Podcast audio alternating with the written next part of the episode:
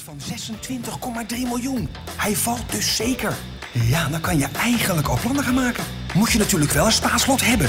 Oh, 26,3 miljoen. Zo.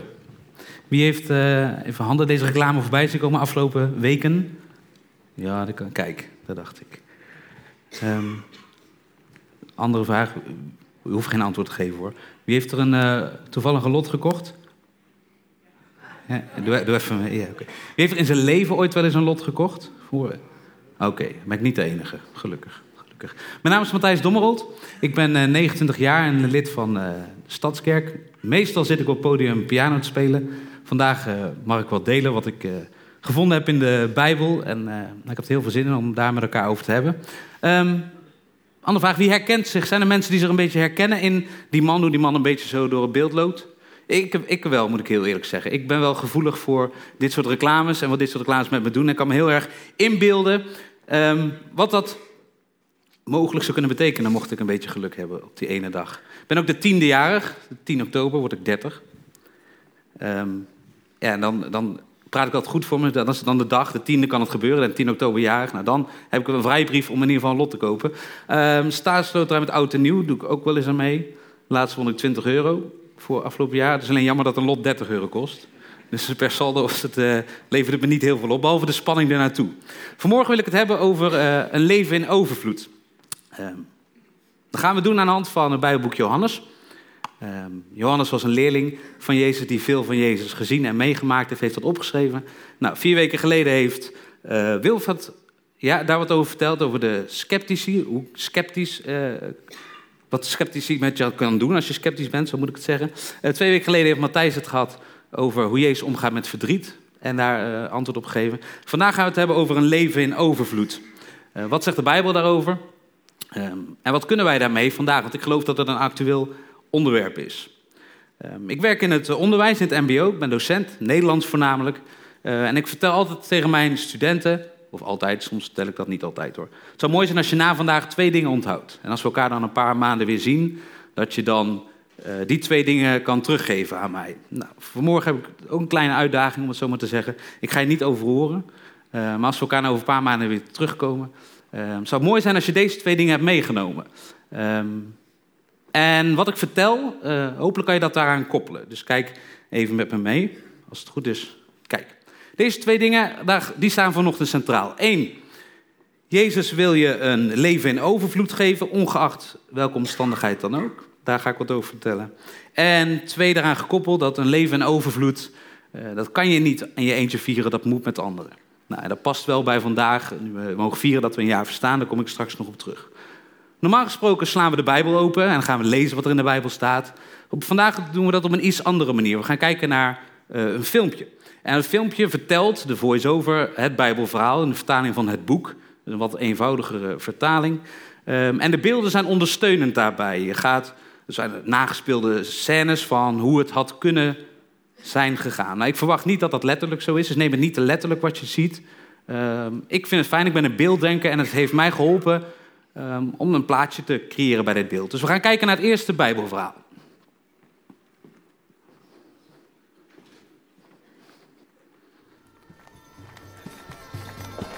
Twee dagen later was er een bruiloft in het dorp Cana in Galilea. Jezus' moeder was er. En ook Jezus en zijn leerlingen waren uitgenodigd. Op zeker ogenblik raakte de wijn op. Jezus' moeder hoorde het en ging het hem vertellen. Laat mij met rust, antwoordde hij. Het is mijn tijd nog niet.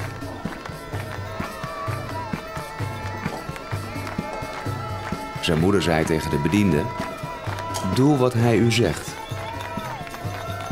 Er stonden zes grote aarden kruiken, elk met een inhoud van zo'n 100 liter. Die werden bij bepaalde gelegenheden met water gevuld, zodat men zich volgens de Joodse voorschriften kon wassen. Jezus zei tegen de bediende: Vul al die kruiken met water. Toen zij dat gedaan hadden, zei hij: Schep er nu wat uit en laat de ceremoniemeester ervan proeven. Zij gaven ervan aan de ceremoniemeester, die niet wist wat er gebeurd was.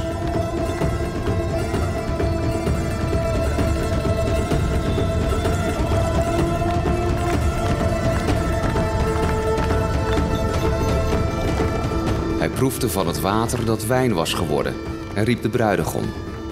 Hij zei tegen hem: Wat een lekkere wijn! Hoe is het mogelijk? Iedereen schenkt eerst de goede wijn en als de mensen dronken beginnen te worden, pas de minder goede.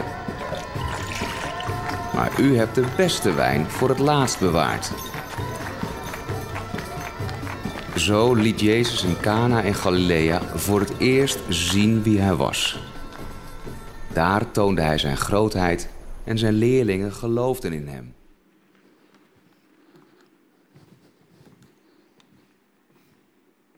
Een uh, opmerkelijk wonder op zijn zachtst gezegd. Ik geloof dus niet helemaal letterlijk. Jezus komt er een beetje over alsof hij met zijn ogen zo het water verandert als een bijna magier. Daar wil ik het niet over hebben. Uh, gaf een beeld. Wat ik wel wonderlijk vind, en ik, misschien ken je dit verhaal niet, hoor je het voor het eerst. Uh, water en wijn veranderen, ik maak het niet dagelijks mee. Um, soms helaas. Een huwelijk is een aangelegenheid tussen twee mensen. Uh, soms familie erbij, uh, vrienden, collega's, nou ga maar door. Um, en ik mocht twee keer, ik mocht één keer ceremoniemeester zijn bij een huwelijk. En ik ben het in de herfstvakantie weer in Italië als vrienden gaan trouwen. En dan ben je wat verantwoordelijk dat alles goed geregeld is. Dat er hapjes zijn, dat er muziek is, dat het draaiboek klopt, nou, dat soort zaken. Maar meestal uh, bij de huwelijke week ceremoniemeester ben geweest... Wordt het horeca-gedeelte, drank en hapjes... uitbesteed aan een cateraar of bij dat bedrijf... waar het plaatsvindt bij het pand...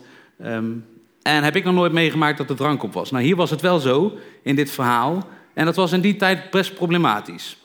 Een huwelijk duurde in tegenstelling tot vandaag de dag niet één dag en dat zit, een week soms wel. En dat had een hele andere betekenis. Waar tegenwoordig misschien huwelijk tussen twee mensen vooral van belang is, eh, was het vroeger in de tijd van Jezus een aangelegenheid voor de hele omgeving, de hele stad, het hele dorp.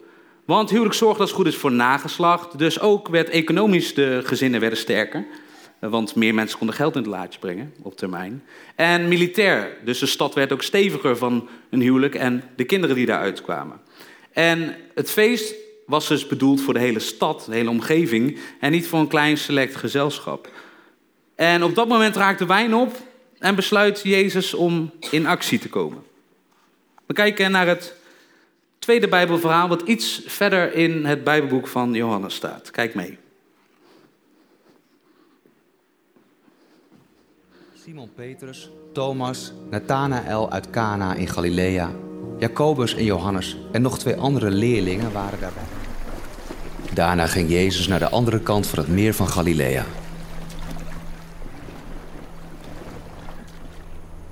Een menigte mensen volgden hem omdat zij zagen dat hij de zieke genas.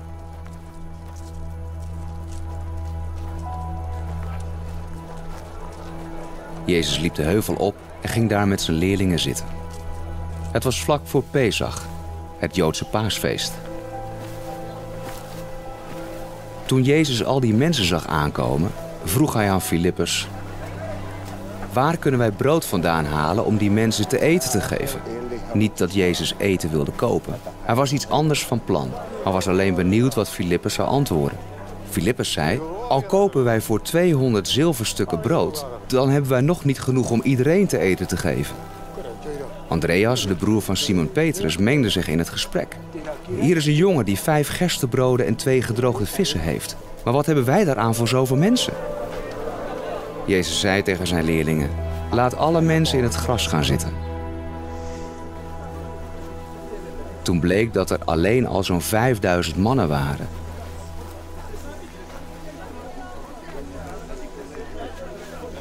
Toen iedereen zat, nam Jezus de broden, dankte God ervoor en begon het brood uit te delen.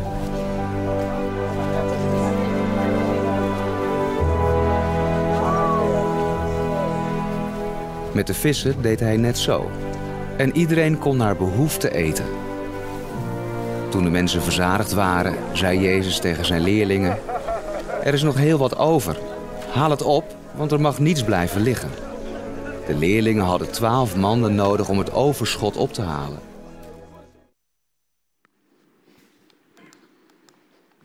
Het tweede wonder van vanmorgen. Staat in de, de Bijbelvertaling. Um, toen ze volop gegeten hadden, toen ze verzadigd waren. Nou, ik weet niet hoe het met jullie is, maar als ik volop gegeten heb, moet ik daar drie dagen van bij komen.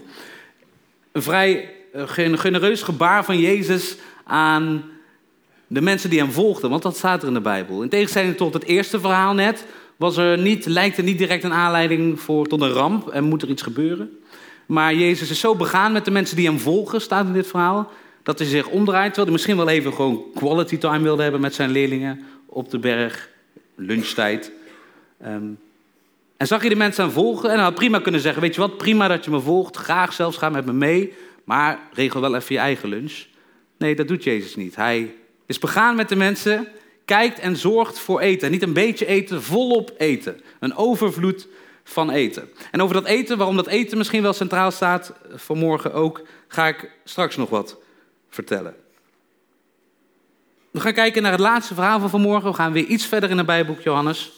En daar zal ik zo meteen weer wat over vertellen. Simon Petrus, Thomas, Nathanael uit Cana in Galilea, Jacobus en Johannes en nog twee andere leerlingen waren daar bij elkaar. Ik ga vissen, zei Simon Petrus. Wij gaan mee, zeiden de anderen. Zij gingen naar het meer en voeren met de boot weg. Maar die hele nacht vingen zij niets.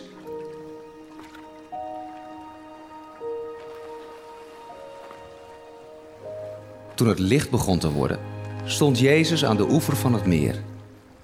Maar zijn leerlingen herkenden hem niet. Jezus riep: Vrienden, hebben jullie iets te eten? Nee, antwoordden zij. Gooi het net uit aan de rechterkant van de boot, riep hij. Dan hebben jullie meer resultaat. Dat deden zij. En zij vingen zoveel vis dat ze het net niet eens aan boord konden krijgen. De leerling die Jezus' beste vriend was, zei tegen Petrus: Het is de Heer. Toen Simon Petrus dat hoorde, deed hij zijn bovenkleed aan, trok het omhoog tussen zijn riem en sprong in het water. De anderen kwamen met de boot en sleepten het volle net mee. Ze waren maar 100 meter van de kant af. Toen zij aan wal stapten, zagen ze een houtskoolvuur met vissen erop en brood. Haal eens een paar van de vissen die jullie hebben gevangen, zei Jezus. Simon Petrus ging weer aan boord en trok het volle net op de oever.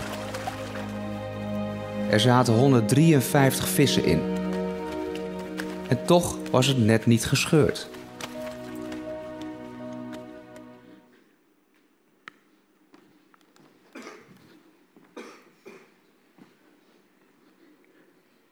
Je begint misschien wel een lijn te zien. Het eerste wonder gericht op wijn, drinken. Het tweede wonder gericht op eten. En weer een wonder gericht op eten. En overvloed, kunnen we gerust zeggen. Belangrijk is om te weten in dit verhaal dat dit verhaal aan het einde van het Bijbelboek Johannes plaatsvindt. En dat er werd gezegd, Jezus herkende, uh, de leerling herkende Jezus niet. Um, Jezus was gekruisigd voor dit verhaal in de Bijbel. Um, en gelukkig is hij ook weer opgestaan na drie dagen en dat geloven wij. Um, en verscheen hier aan de leerlingen. Dat zou kunnen verklaren waarom ze hem niet herkenden. En ik weet niet hoe het met jullie zit. Misschien ben je bekend met het begrip hangry. Dat is een combinatie tussen hungry, honger en angry, boos. Nou, de leerlingen hebben de hele nacht gevist. En hebben echt hun best gedaan. Dat kan niet anders, want ze zullen wel honger gehad hebben. Maar het lukt niet. En ze zien een man op de oever staan. waarvan ze niet herkennen dat dit Jezus is. En het eerste wat ze wat die beste man zegt, weet je wat, probeer het even aan de andere kant. Nou, als iemand dat tegen mij zegt en ik heb zo'n hangry bui, nou berg je maar, ik denk niet dat ik daar heel veel zin in zou hebben. Ik geef les op het mbo en als ik continu of 12 les heb, moet ik zorgen dat ik voordat ik die les inga, echt eerst een snack heb gehad, of wat fruit of een, of een reepje of zo, anders gaat het mis. En dan reageer ik mijn frustratie af op de studenten. Nou, ze verdienen veel, maar dat niet. Dus ik kan me zo voorstellen dat de, dat de moed in de boot niet helemaal was, oh ja, joh, gaan we doen, lekker. Ze doen het, ze luisteren. En wat gebeurt er? Ze vangen vis. En niet een beetje vis. Ze zijn met zeven personen, zegt de Bijbel. 153 vissen vangen ze. Even voor de snelle rekenaars, hoeveel is dat per persoon? Ik geef Nederlands hoor, dus uh, geen rekenen. Niemand? Je had echt nu al tijd gehad om je telefoon te pakken en je rekenmachine op te zoeken. 21,8. Oh, dat zei ik toch, zeg, dan even. Um, 22 vissen per persoon. Um, Dat noem ik wel volop, dat noem ik wel overvloed. En weer gebeurt het rondom een maaltijd. We leven met elkaar in een samenleving die, zoals ik het noem, eh, gericht lijkt te zijn op het hebben van een succesvol leven. Ik merk het in mijn werk als eh, docent op het MBO, ehm, waar studenten bezig zijn. Ze zijn een jaar of 16 als ze binnenkomen, gaan weg begin 20, gemiddeld gezien die range. Ehm, dat ze op zoek zijn naar een identiteit. Wie ben ik? Waar ben ik goed in? Wat wil ik? Wat kan ik? En daar heb ik gesprekken met ze over, naast de datejes en de theetjes. En dan vraag ik aan, wel eens aan ze van, hey, wat is nou je droom? Waar wil je over vijf of over tien jaar staan? Wat wil je bereikt hebben? En heel vaak komen daar wel antwoorden uit. Als, nou, ik hoop dat ik over of vijf of tien een goede baan heb. Lekker drie keer per jaar op vakantie kan. Goede auto onder me kont. Um, mooi gezin, mooi huis. Schrijnender is nog wanneer ik vraag aan studenten: waarom zit je hier? En dat ik soms als antwoorden hoor. En wat moet je hierna, vraag ik dan? Dat ik antwoorden hoor van: ja, ik moet hierna door naar het HBO, want dat hebben mijn broer en zus ook gedaan. Het lijkt alsof een succesvol leven wordt geassocieerd met hard werken. En heb maar genoeg geld. En werk hard, dan kan je je doelen waarmaken, je ambities waarmaken. Dan zul je een leven in overvloed hebben, kan je doen wat je wil. Ik heb ook soms van die momenten dat ik gevoelig ben voor genoeg geld. Nou, dat is met die reclames. Dan ga ik vaak snel even toch kijken hoe duur ze dit keer zijn, die loten. En dat verandert natuurlijk niet. Eh, ik heb vrienden waarmee ik wel eens uh, afspreek dat we dan samen uh, loten kopen. En dan delen we zeg maar de kosten en dan delen we ook de winst. maar dat zetten we dan niet op papier. Dus als ik dan de miljoen pak, moet ik even kijken hoe we dat oplossen. Um, nee, ik heb wel eens momenten dat ik achter mijn laptop zit op mijn werk en dan kan ik even helemaal wegdromen. En ik hoop dat mensen het herkennen. En als je het herkent, kom alsjeblieft na afloop naar me toe, dan ben ik niet alleen. Dan ga ik naar funda.nl. En dan kies ik bij de huisrange waar je kan kiezen de prijs, het duurste huis in de regio. En dan ga ik even kijken. Dan ga ik klikken op, nou, hoe ziet het huis er van binnen uit? Hoeveel kamers, hoeveel zwembaden, een kelder met een poeltafel en een barretje. Dan kan ik langzaam wegdromen, oh, nou, wat nou als ik die tiende die prijs win? En vorige week vertelde iemand mij, dan ben je een funda-vieler. Dat heet zo blijkbaar. Dus als je het hek, kom even naar me toe. Um, dan ben ik niet alleen. Um, of Audi.com bezoek ik dan even en dan kies ik alvast de velgen uit. En dan kies ik alvast wat voor kleur leer en zo. Ik kan namelijk helemaal custom je auto maken. Dan zie je onderaan de prijs en denk je, oh, dat kan wel van die 5 miljoen af. Dat moet nog wel lukken. Um, en dan schrik ik meestal wakker omdat er in één keer een collega achter me staat en mee aan het kijken is. Die vraagt zich af, nou jij bereidt je les in Nederlands ook op een bijzondere manier voor. Of ik uh, spreek mezelf toe en zeg, nou kom, doe even normaal. Waarom ben ik daar nou zo gevoelig voor? En ik ga hem niet helemaal psychologisch maken en allemaal uh, mezelf hier ontleden figuurlijk van hoe komt dat nou? Maar ik ben wel gevoelig voor het hebben van overvloed. Het hebben van meer dan ik misschien nodig heb. Want als we kijken naar wat Van Dalen zegt over overvloed. En Van Dalen is wel een bijzonder woordenboek. Van Dalen is een woordenboek dat wij eigenlijk met elkaar maken. Als wij, eh, als docent Nederlands moet ik toch even iets over zeggen. Als wij met elkaar maar een woord heel vaak gaan zeggen, dan komt het vanzelf in de vandalen. Dus als we vanmorgen een nieuw woord bedenken en we gaan het met z'n allen overal vertellen, binnen vriendengroep, familie, werk. En we dat vijf jaar vol, dan staat hij in vandalen. Nou, overvloed is zo'n woord wat in de vandalen is gekomen, kent twee betekenissen. En ik vind ze niet helemaal op elkaar lijken, maar het geeft je wel een beeld wat volgens ons met elkaar de betekenis van overvloed is. Een grotere hoeveelheid dan nodig, of een zeer grote hoeveelheid. Ik wil nog één dingetje hierover zeggen. Dit heb ik natuurlijk geprintscreend en ook boven in de zoekbalk ingetikt overvloed. En dan zie je daaronder staan, je hebt gezocht op het woord overvloed. Ik vind dat een overvloedig zinnetje, had ik bedacht toen ik dit aan het maken was. Dus ik ben al in staat om uh, Van Dalen te mailen en vragen waarom het er staat. Goed, uh, wat wilde ik vertellen? Uh, ik ga stoppen met de aardse overvloed. Ik wil laten zien wat het alternatief is, wat Jezus biedt aan overvloed en wat dat jou kan geven. Door het wonder van vanmorgen, de drie wonderen. Wonder van wijn, wonder van brood en het wonder van de vissen. En het gaat daarbij niet om het overvloed in eten. Het gelukkig, mag ik zeggen, gaat het verder dan dat. In Johannes 10, ik blijf bij het Johannesboek, presenteert Jezus zichzelf als goede herder. Nou, herder is een woord dat we niet zo vaak meer gebruiken tegenwoordig. Uh, behalve op de Veluwe en Betuwe zullen ongetwijfeld nog herders actief zijn. Jezus presenteert zichzelf als herder, als iemand die waakt over de kudde. Als iemand die de kudde beschermt, die ze begeleidt. Nou, ga maar door. En zet ons neer en symboliseert ons met schapen.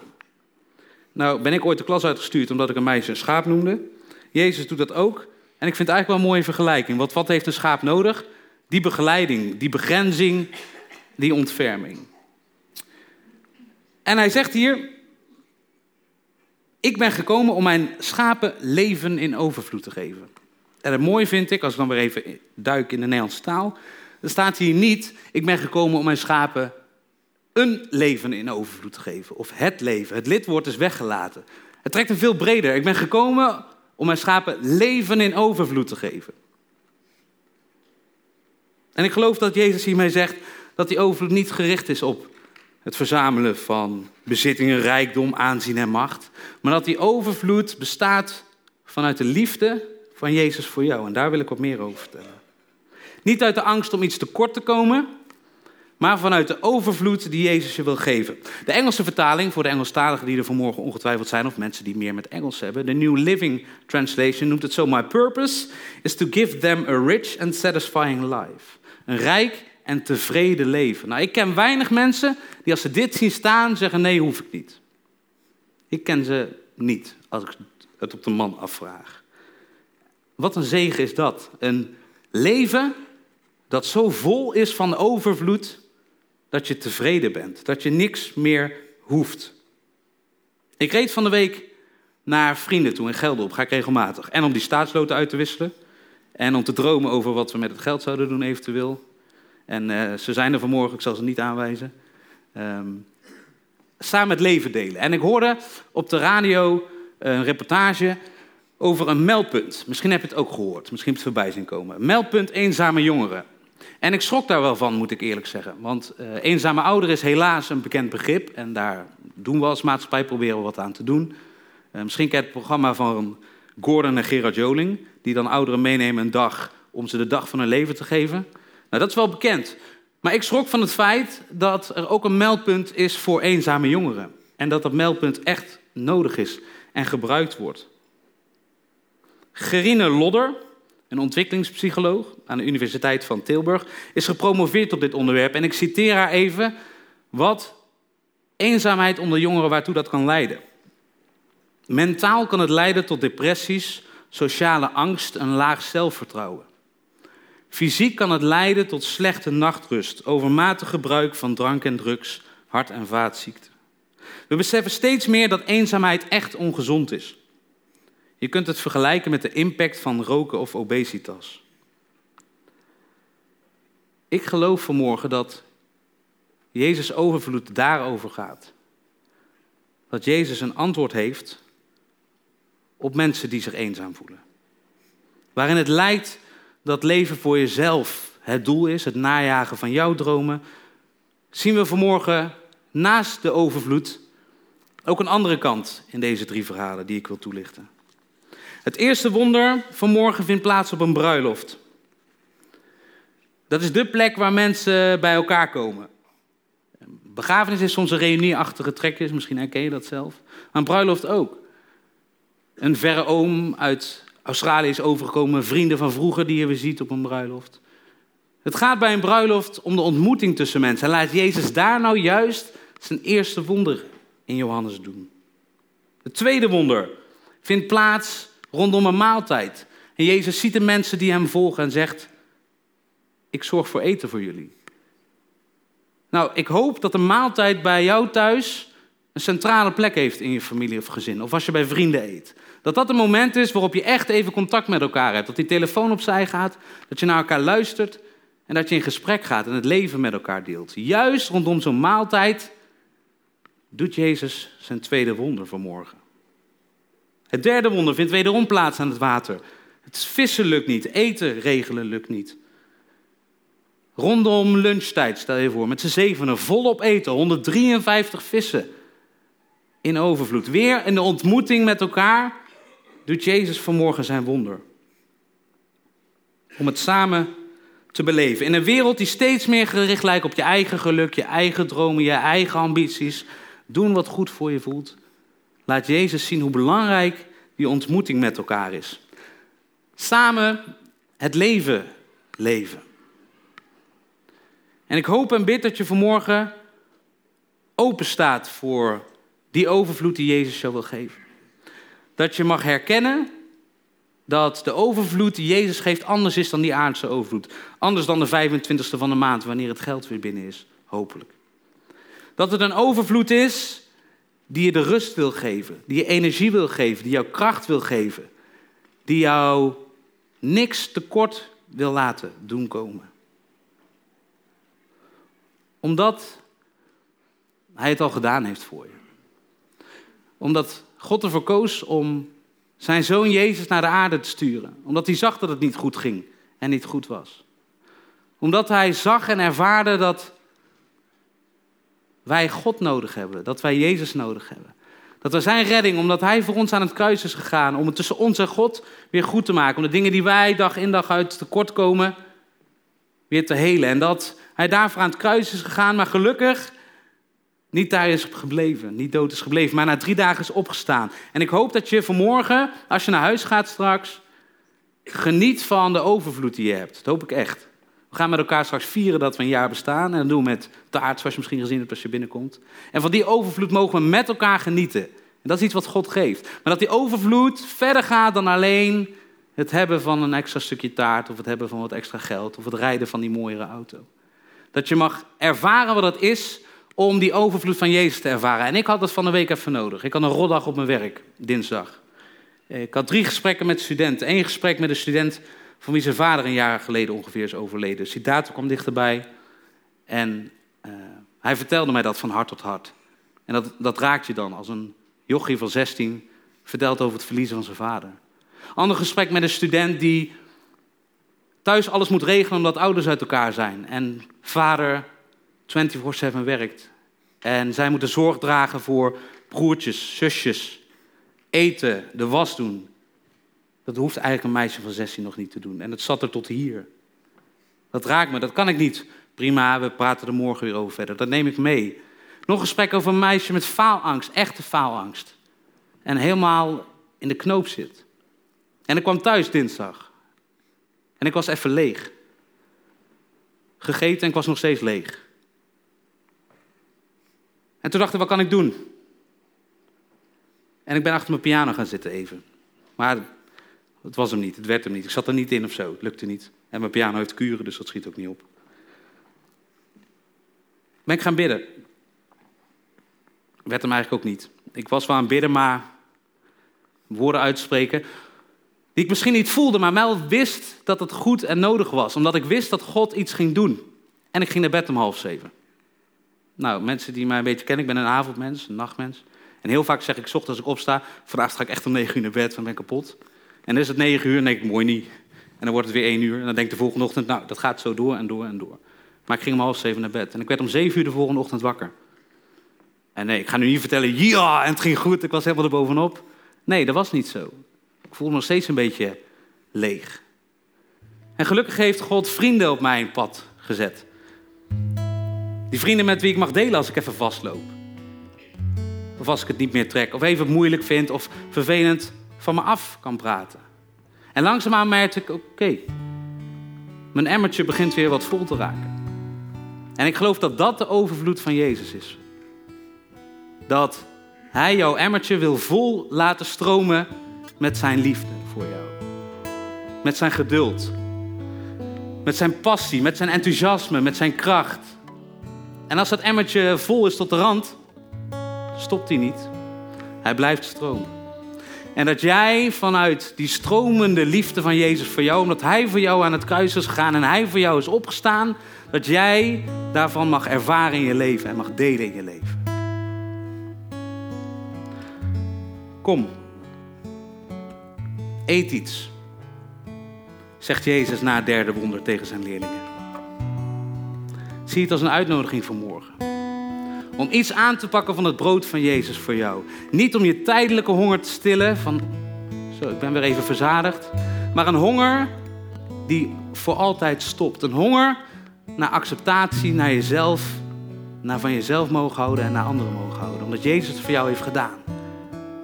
En als je naar huis gaat straks, nadat we een lekker stukje taart hebben gegeten en dat we in ieder geval verzadigd zijn en van die overvloed genoten hebben, dat je mag meenemen dat God, dat Jezus jou die overvloed wil geven.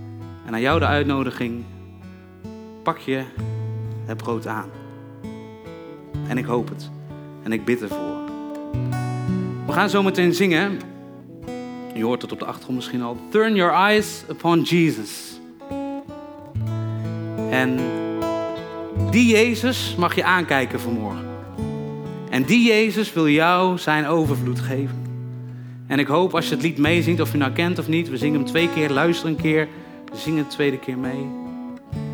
Dat je dat brood wat hij jou wil geven vanmorgen wil aanpakken en daar je hele leven van mag genieten. Zullen we met elkaar zingen?